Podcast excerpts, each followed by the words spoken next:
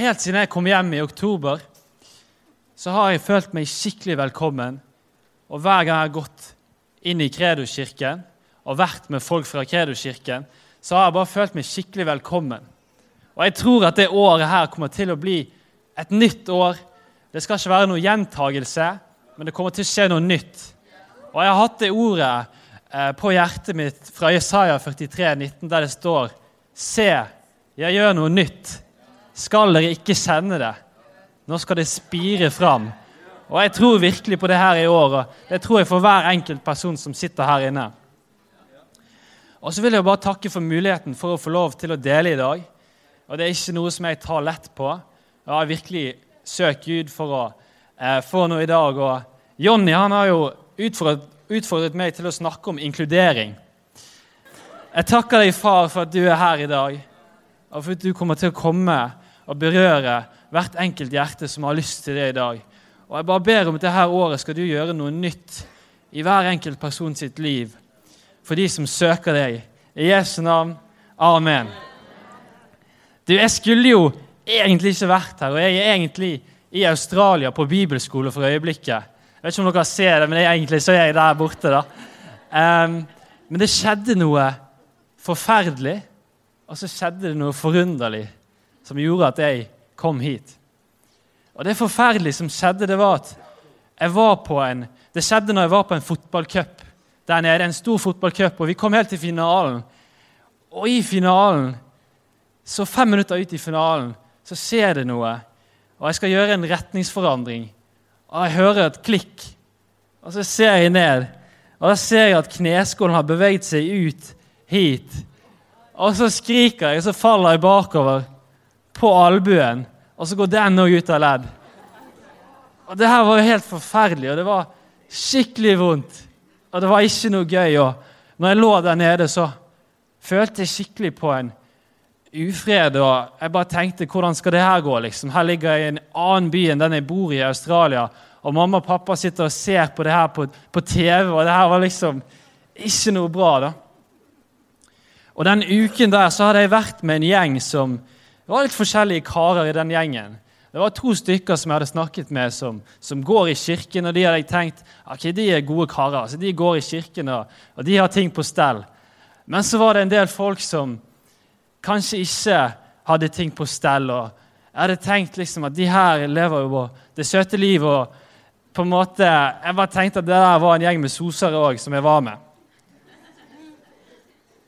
Men plutselig, når jeg lå der nede og lå skadet med den ufreden, så kom kapteinen på det andre laget og satte seg på huk ned med meg, og jeg lå med øynene igjen, for det, det var ikke noe gøy. Og så sa han at nå står alle sammen i ring rundt deg, og vi holder hender. Og vi skal be sammen for deg og for situasjonen. Og med en gang de ba, så følte jeg meg mye bedre, og jeg følte at det her kommer til å gå greit. Og det skal jo gjøre veldig vondt, men det gjorde ikke så vondt lenger. Og jeg lå der ganske stille ganske lenge òg. Um, men det var det forunderlige som skjedde. Og det er bare det at Gud har snakket til meg i ettertid. Han har sagt det at du kan ikke avskrive folk på den måten. Du må se på folk, og så må du se ikke på det ytre, men du må se på det indre, og du må se til hjertet. Og så må du snakke det ut i de. Og jeg, jeg, hadde gått rundt der og sett på det ytre, og det hadde på en måte ikke skjedd noe. Men tenk på de samtalene jeg hadde fått hvis jeg hadde sagt til noen det som jeg så i hjertet deres. Og jeg tror at Jesus har kalt enhver person her til å inkludere og til å bli inkludert. Og det trenger ikke skje noe sånn forferdelig for at vi skal begynne å inkludere, men vi kan inkludere hele tiden. Det kan være noe som vi alltid gjør. Og jeg tror det at vi må inkludere fordi Jesus gjorde det. Han sa det, og det bringer frukt. Og Jeg skal lese en historie om en kar i Bibelen som vi snakket om på fredag faktisk i Kredo Ung. Og Han heter Sakkeus, og dere kommer til å bli eh, mester i Sakkeus etter det her. Så det er bare å holde seg fast. I Lukas 19, vers 1 så står det han kom inn i Jeriko og dro gjennom byen. Jesus, altså. Og Der var det en mann som het Sakkeus. Han var overtoller og svært rik. Og Jeg stopper litt der. Jeg vet ikke om dere har hørt uttrykket 'en likende kar'. En likende kar det er en som du vet Når vi sitter på kafeen, så kommer han inn. og Da snur alle seg, og han har det varme smilet, og han spanderer en kaffe på den han har med seg. Han har litt sånn flagrende hår, kanskje på seg Marius-genser. Det er en likende kar. Men Sakkeus, derimot, han var ikke noe likende kar på den tiden. Han var stemplet synder av jødene for det yrket som han hadde, og det han gjorde. Og det han gjorde, det var at han samlet inn penger fra jødene i det området og, og folket i det området for å gi det til romerne. Og så står det òg at han var svært rik, og det betydde at han tok litt ekstra til seg sjøl. Så han var ikke noe likende kar, han karen her. Men videre, han ville gjerne se hvem Jesus var, men han kunne ikke komme til for folkemengden, for han var liten av vekst. Da løp han i forveien og klatret opp i et morbærtre for å se ham på et sted hvor han måtte komme forbi. Og Da Jesus kom dit, så han opp og sa til ham, 'Sakkeus, skynd deg og kom ned, for i dag må jeg ta inn hos deg.' Han skyndte seg da ned og tok imot ham med glede. Men alle som så det, murret og sa, 'Han har tatt inn hos en syndig mann.' Men Sakkeus sto fram og sa til Herren, 'Herre, halvparten av alt jeg eier, gir jeg til de fattige.' Og har jeg presset penger av noen, skal de få firedobbelt igjen. Da sa Jesus til ham, I dag er frelse kommet til dette huset. For også han er en Abrahams sønn. For menneskesønnen er kommet for å lete etter de bortkomne og berge dem. Sakkeus, som ikke var noe likende kar, Sakkeus som før var styrt av grådighet og av, sin, av at han elsket penger og av at han elsket å å ha penger og på en måte sette seg sjøl over alle andre og kompensere på den måten. Sakkeus, på ett møte med en som virkelig så Sakkeus På ett møte som så ikke på det ytre, men på det indre. På ett møte med en som så potensialet som Gud hadde lagt ned i han. På ett møte med Jesus Kristus så begynte Sakkeus å gå kjærlighetens vei. Og Det er her vi skjønner at vi trenger Guds kraft og vi trenger Gud til å være med oss for å få det her til. For det er ikke alltid at det kommer til å se pent ut, at det kommer til å være så veldig lett. Og Jesus gikk jo tvert imot skikken på den tiden med å være med Sakkeus. Sakkeus var en mann som var stemplet synder, og Jesus hadde masse ære i det her samfunnet. Og det at han gikk opp til han, det så ikke så veldig bra ut da. Og I 1. Samuels bok 16, 7, så står det Men Herren sa til Samuel, se ikke på utseendet hans og på hans høye vekst, for jeg har forkastet ham. Jeg ser ikke på det mennesket ser på, for mennesket ser på det ytre, men Herren ser på hjertet. Og Grunnen til at de murret og at de sa at han var en syndig mann, var fordi at folket så på det ytre. Og de identifiserte Sakkeus med alle de tingene som han hadde gjort. Og de ga ikke han noen sjanse til å, til å gjøre noe bra, fordi de så på det, og de bare stemplet han som synder, og han var ferdig sånn. Og Det er jo lett å tro at at man har kontroll på det. Jeg som liksom har gått på bibelskole, tenkte jo at jeg òg var ganske flink på å se potensialet i folk og se det beste. Men så kom jeg på den fotballkampen og jeg begynte å liksom tenke at folk var soser og, og hele pakken. Men vi må se på det indre.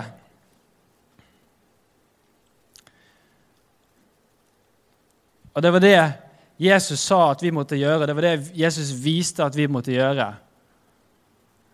Og Jeg hørte en historie om, om en gjeng med sykepleierstudenter som hadde hatt en eksamen. Og på det siste spørsmålet så De fikk et spørsmål så de ikke skjønte eh, hvorfor det spørsmålet skulle være med, eller hvorfor det skulle være tellende. Og Alle ble bare helt forskrekket og skikkelig sinte på læreren fordi han hadde tatt med det spørsmålet. Og De skjønte ikke at det spørsmålet skulle telle. Og Det siste spørsmålet på den sykepleiereksamen det var Hva er navnet på vaktmesteren i andre etasje på sykehusbygget? Og de ble så sure på læreren. Men læreren sa at jo, det teller. Fordi hver enkelt person er unik. Og i din jobb så må du verdsette alle. Og jeg tror det her er det hjertet som Jesus òg hadde for folk. Og jeg tenker at Hvis sykehuset skal liksom kunne navnet på alle sine, hvor mye bedre skal ikke Kirken være på å inkludere, på å dra folk inn, og på å huske navn og på å gjøre alle disse tingene som gjør at folk føler seg velkommen, og at folk føler seg bekreftet? Og ikke bare sier Jesus at hver person er unik, men han viser det. I alle de historiene vi leser om Jesus, så viser han at, at han så hver person som unik. Når han tok, i, tok inn en mann som Sakkeus, og når han stoppet med hun kvinnen som hadde hatt blødninger lenge, så ikke folk ville snakke med engang. Han stoppet for å helbrede hun og, og enken ved brønnen. og i det når Jesus var inne i bildet, så ville han inkludere og ta inn de folkene. Og ta inn alle, men òg ta inn de folkene som kanskje ikke alltid blir inkludert. Og jeg tror at Jesus' sin definisjon av inkludering det er ikke bare å ta med noen i fellesskapet. Men hver gang Jesus tok med noen i fellesskapet, så skjedde det én ting til. Og det var at de gikk videre bedre. Jesus tok de med i fellesskapet, og de ble bedre. Og Jeg tror det er veldig viktig å ha det her hjertet som, som Jesus hadde. Men så tror jeg òg at man kan forberede seg litt praktisk og være litt taktisk når det kommer til inkludering. Nede i Australia så går jeg i en kirke som er litt i utkanten av byen, i en litt fattigere del av, av Sydney. Og Der har de en kvinne. Hun, hun kaller bare alle for auntie. Alle kaller hun for tante der nede. Og En dag når jeg hadde vært i kirken i litt over ett år, så inviterte hun meg med på restaurant med en gjeng av andre. og Da tok hun med meg og så tok hun med noen folk som nettopp hadde kommet til kirken. Og så tok hun med noen lokale som hadde vært i kirken en stund. Og Vi dro liksom på, på det beste de hadde å by på av restauranter. Der kostet det 10 dollar for en steik. Og det er rundt sånn 60 kroner. da. Eh, så vi sto der og pratet sammen. og Det var veldig deilig å bare være et annet sted enn kirkebygningen, faktisk. For da følte jeg at de her ville være med meg òg når det ikke på en måte var kirkemøte. Men de ville, være med meg utenom. Og Vi kunne snakke, og jeg kunne fortelle min historie og høre deres historie. Og Jeg ble mye sikrere på de folkene, og det blir mye bedre for meg å være i kirken etter en sånn opplevelse. Og Videre så gikk vi til et bakeri, og hun kjøpte kaker til alle sammen. og Så dro vi tilbake igjen til kirken på kvelden. Og Jeg forteller det her bare for å vise at man kan være litt praktisk. og Det er på en måte, det er ikke mange ting som skal til. Og Det er tre ting som jeg vil dra fram som hun Anti gjorde. da. Og Den ene tingen er at hun hadde med seg folk. Folk i forskjellige stadier av livet. Og den andre tingen var at vi gjorde noe som folk hadde til felles. Vi spiste mat sammen. Og den tredje tingen Og nå begynner det å bli litt sånn der, eh, vanskelig. Det her er litt sånn rakettforskning, kan du si. Men den tredje tingen som hun gjorde, som ikke alltid er så lett, det var at hun tok et initiativ. Hun var ikke usikker, og hun tenkte liksom ikke å, jeg har prøvd så mange ganger før. og det funker ikke, Men hun tok et initiativ, og hun følte seg sikker. Bare hun lagde et, et sånn område og et miljø der folk kunne prate, så gikk det bra. Og jeg tror at Hvis vi kombinerer disse to tingene, at vi har hjerte for det, men vi kan òg være litt praktisk og taktisk og forberede oss til å inkludere Med de to tingene så tror jeg at vi kommer til å bli bedre enn sykehuset på å inkludere. Fordi den tanken på at folk kommer inn til kirken uten å bli møtt og uten å bli sett og bekreftet, det stikker litt. Og derfor For det er ikke den tanken som jeg har. det er ikke, Man må ha mer enn en tanke om det. Man må gjøre noe med det. Derfor vil jeg være en av de som inkluderer folk, og som lager menigheten og kirken til et hjem. Et sted hvor folk kan komme og være helt fri og være seg sjøl. Ikke bli sett på som, som sosere eller som en gjeng med tullinger, men at man blir sett på for der man er. Og vi ser potensialet i folk og det som Gud har lagt ned i dem. Da tror jeg at det her kommer til å bli bra. Og med det så skal jeg eh, ønske Jonny velkommen opp til å tale. Jeg kjenner jo det at eh, det er jo for min del det gøyeste jeg vet som eh, leder. og som pastor, ikke pastor her, da, men nå har jeg ikke vært det, det er jo å se at andre folk kommer fram. De vokser, de får en utfordring, de får dele sitt hjerte. Og det Om du er ung eller om du er eldre, eller uansett alder, så er det så fint å se at folk trør ut, og at de får lov til å komme inn i det som Gud har for livet deres. Så Fantastisk bra å høre deg, Rikard. Jeg er så glad for at du sa ja til min utfordring. Og du er en utrolig dyktig formidler. Det tror jeg vi alle inne kan si. Ja, gi henne til applaus.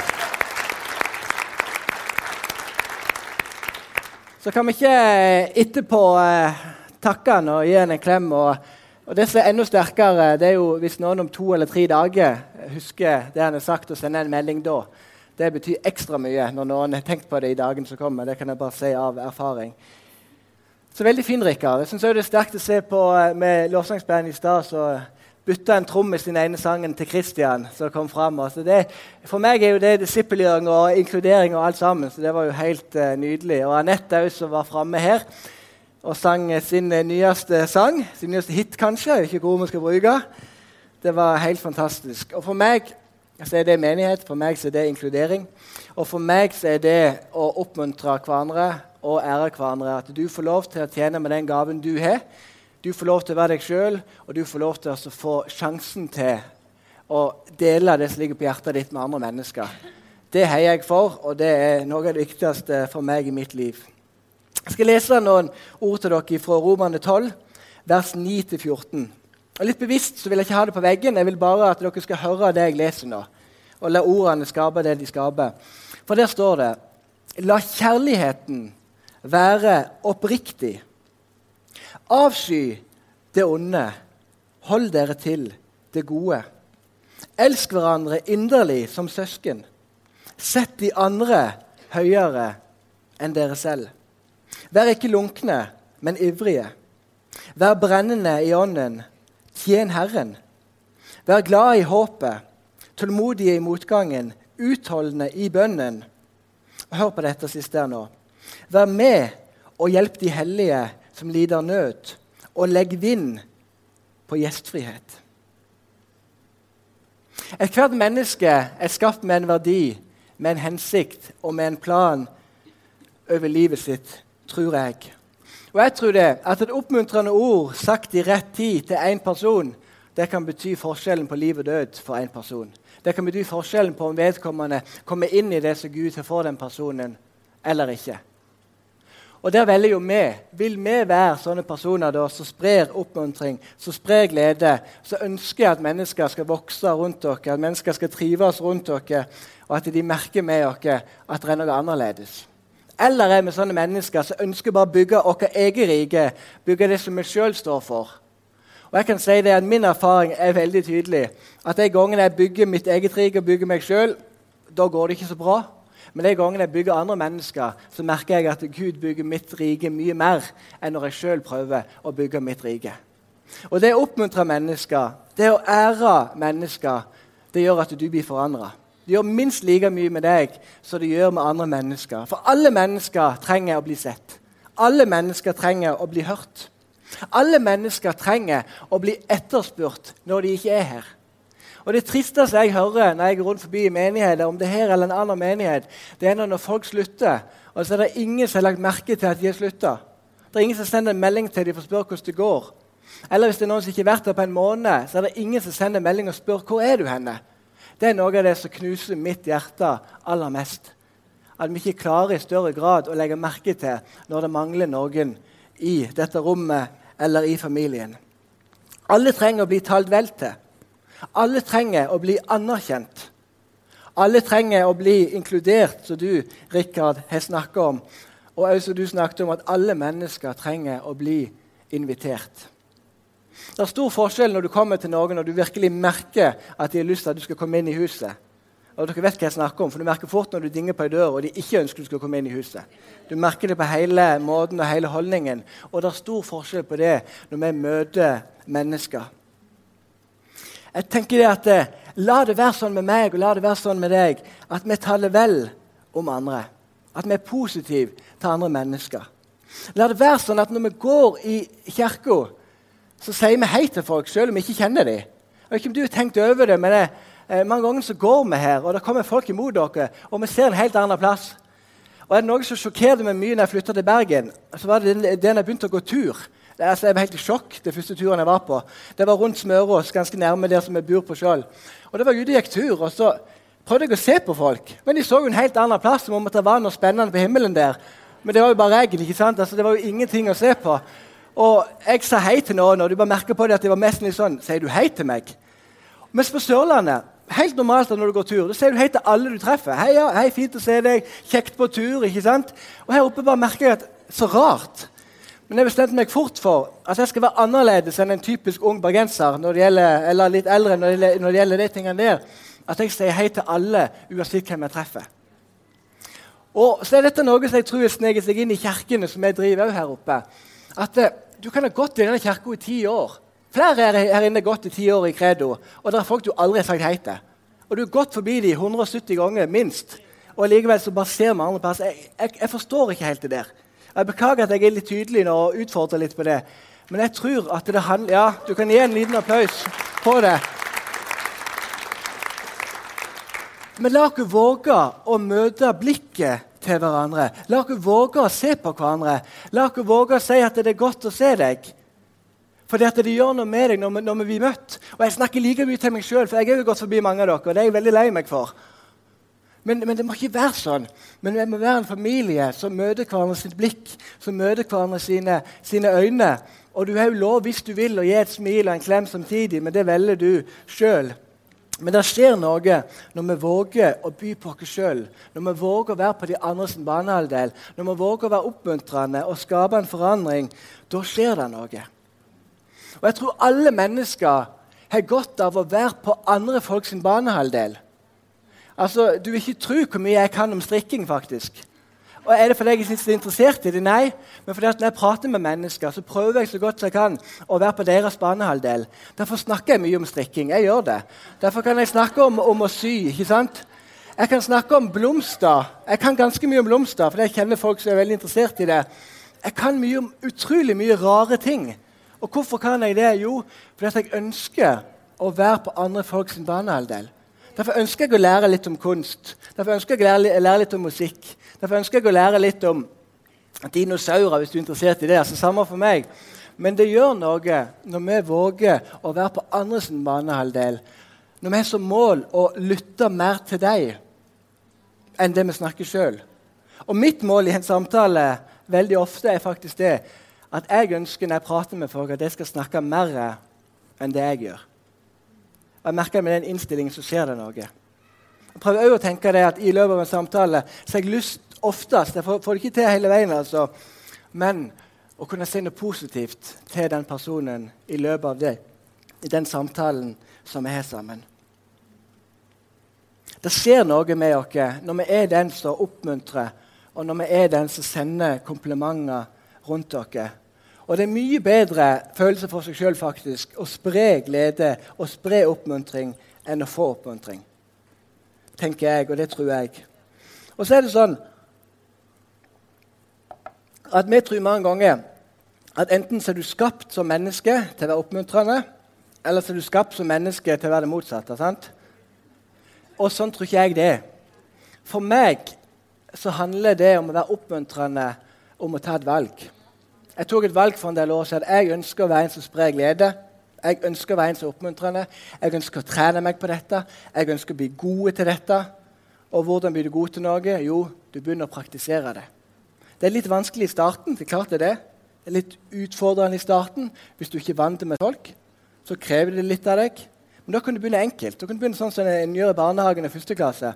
At Det er ikke noe dype forklaringer, men det er mer sånn Du er snill. Du er god i fotball. Du har bra stil. Du har pen rød caps. ikke sant? Altså, det er på det nivået det. Du er kul. Og det går an å begynne der. Begynne lett med en setning, med, med et ord. Og så tror jeg, tror jeg, at jo mer vi trener på dette, jo flinkere blir vi til å skape noe rundt dere. Jo mer vi kan tenke at vi sjøl ikke skal være sentrum, men at menneskene rundt oss skal være sentrum, jo mer tror jeg at det skaper noe her. Jeg tror det var Gandhi som sa det. Men vær den, for, altså vær den forandringen som du ønsker å se i verden. Vi er gode til å si at det, er det må være annerledes, men jeg tenker at la oss se på oss sjøl og tenke hva ønsker vi at skal være annerledes i verden? Og så prøver vi å skape den forandringen rundt oss. Og så tror jeg at Det er ikke det vi sier nødvendigvis alltid som skaper en forandring, men det er den vi er, og det livet som vi lever, som skaper forandring. Og det merker folk rundt dere når det skjer noe. Og Dette er like mye utfordring til meg så det er en utfordring til deg. La oss trene oss på å oppmuntre andre mennesker. Og Hvorfor skal vi oppmuntre? Jo, fordi vi ønsker å skape en god atmosfære. Vi ønsker jo at det skal være godt rundt dere. Vi ønsker at du skal ha det godt, at jeg skal ha det godt. Og Videre så, så tror jeg òg at vi oppmuntrer fordi at vi sjøl blir oppmuntra.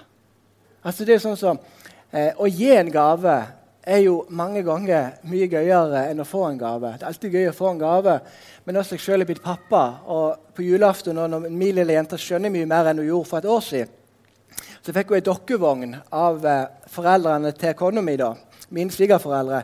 Og Jeg er så lei meg for at jeg ikke filma det, men, oss, men når jeg så hvor glad hun ble for den dokkevogna, så merker du bare at det er ingen glede i verden som er større enn den gleden der som hun hadde akkurat da.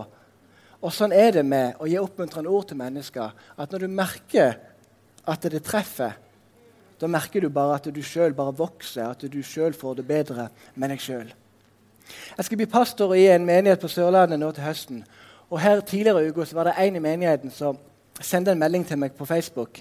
og Så sa han det at han hadde vært i bønn, og så hadde han fått noen profetiske ord fra Gud. Altså Han hadde fått noen ord som han trodde ville passe inn i den situasjonen jeg er i akkurat nå betyr det på litt enklere norsk. Og jeg leste det som han skrev. og jeg hadde fått et bilde. Og med en gang jeg leste det, med en gang jeg så bildet, så passet det 100 inn i den, i den, situasjonen jeg akkurat var i i den dagen der. Og det syns jeg er sterkt. Og det er òg en måte vi kan få lov til å oppmuntre andre mennesker på. At Hvis vi får et ord i hjertet vårt som vi kjenner og tror er fra Gud, så er det lov til å nevne det for en person at jeg tror at Gud har nevnt dette for meg. Du må føle sjøl om det treffer eller ikke, men vi gir iallfall det ordet. Og så kan vi kjenne på en enorm oppmuntring når vi får de ordene der. Å oppmuntre det bygger Guds menighet. Å oppmuntre tenker jeg er en stor verdi for Gud. Jeg tror at det, at det skapes en, en sånn type vekstenergi i en menighet når en kjenner at en blir oppmuntra, når en kjenner at det er godt å være der. Det bekrefter, og jeg tror òg at det tiltrekker. Jeg merker i hvert fall det med, med mennesker som er positive, mennesker som er sånn ekstra gir i forhold til å inkludere. Så, altså, du, du, får bare ekstra lyst til å være sammen med dem. Det kjenner iallfall jeg. At det gjør noe med meg når jeg møter sånne mennesker. La kjærligheten inn i deg og kjærligheten inn i meg få lov til å være med og oppmuntre. La meg og deg få lov til å bli flinkere til å se mennesker se rundt dere. En sånn helt konkret ting som jeg kan gjøre nå etter gudstjenesten, er rett og slett det at når man går ut i kafeen, ikke sett deg på det samme bordet som du sitter på hver eneste søndag. Prøv å finne et nytt bord. Kanskje du egentlig ikke setter deg med et bord i det hele tatt. Du kanskje bare står, du finner et ståbord og så begynner du å prate med andre mennesker. Jeg vet det er krevende, jeg vet det er utfordrende. Jeg gjør det. Jeg har full forståelse for det. Men når alle vet og alle er på samme side, så, så, tror jeg at det er lettere når en gjør det. Og jeg vet at Noen mennesker er utadvendte enn andre. Jeg har full forståelse for alt det, så ikke skyt meg på alle mulige måter. Men jeg tror at det gjør noe med oss når vi våger forsiktig å ta det steget. Jeg tror òg det gjør noe med oss når vi våger å invitere noen folk med oss hjem som vi ikke kjenner. Bare denne uka her så var jeg på, på fredag Jeg er blitt kjent med deg da, men da fikk jeg lov til å være i bursdagsselskap til Marianne Christensen og mannen og barna. På torsdagen så var jeg hjemme hos eh, Hanne og Jack på, eh, på middag. Det er jo eh, fantastisk. Og så er våre andre plasser, og så er vi bevisste på meg og Kristine at vi ønsker å invitere folk hjem til oss. For det skjer noe når vi møter folk utenom bare på søndagen, men når vi tar dem hjem i vårt hus. Da, altså, det skjer noe i, i, det møtet der. Og jeg tror det, at det er noe vi alle kan gjøre. Invitere én person eller to personer eller fire personer. du eller hvor mange det er. Men når den inviteringskulturen fungerer, da tror jeg at det er fantastisk. La oss bestemme oss for å være oppmuntrende. Og så tror jeg at eksempelets makt er det beste vi kan gjøre. Jeg kan si mye her oppe, og mange pastorer og forkynnere sier mye, og det er fint. Men det er det vi gjør, som skaper en forandring. Jeg kan si at, at alle her inne må invitere med seg folk hjem, men hvis ikke jeg gjør det sjøl, har er et stort problem. Husker jeg var pastor i Kristiansand, så sa jeg det flere ganger at vi må invitere med oss mennesker som ikke tror på Jesus. Og så bare merker jeg en dag at jeg vet ikke om det var en hellig ånd eller meg sjøl, men jeg bare kjente det at ja, men hvor ofte inviterer du deg med mennesker som ikke tror på Jesus, til kirka, Jonny? Og jeg skal være ærlig og si at det gjorde jeg ikke. Og da kan jeg egentlig ikke stå her oppe og si det heller. For når jeg sjøl ikke lever det som jeg forkynner, sant? da er det en utfordring. Så Derfor vil jeg bare si all ydmykhet, og det gjelder like mye meg sjøl, at la oss invitere folk hjem til oss. La oss møte folk når de kommer på gudstjenesten med et smil og med et håndtrykk. eller noe sånt. La oss prøve så godt som vi kan i vår tilkortkommenhet å bety en forskjell for mennesker rundt dere. Se på nabolaget ditt og, og be til Gud om Gud, hva kan jeg gjøre for å bety en forskjell for det nabolaget som er rundt meg. For da tror jeg at det skjer noe, når vi, når vi våger å tenke sånn. Jeg har lyst til å be en bønn. Kjære Jesus, jeg takker deg for det at du er så god. Jeg takker deg for det at du er vårt forbilde på alle de tingene, far. Og Når det handler om å inkludere, som Rikard snakker om, og når det handler om å oppmuntre, som jeg snakker om, så er det ingen som er bedre på de tingene enn du er. Og da tenker jeg at det er ingen som kan lære oss dette bedre enn du kan lære oss dette, Jesus. Så ber jeg om det, far. at ikke noe av det som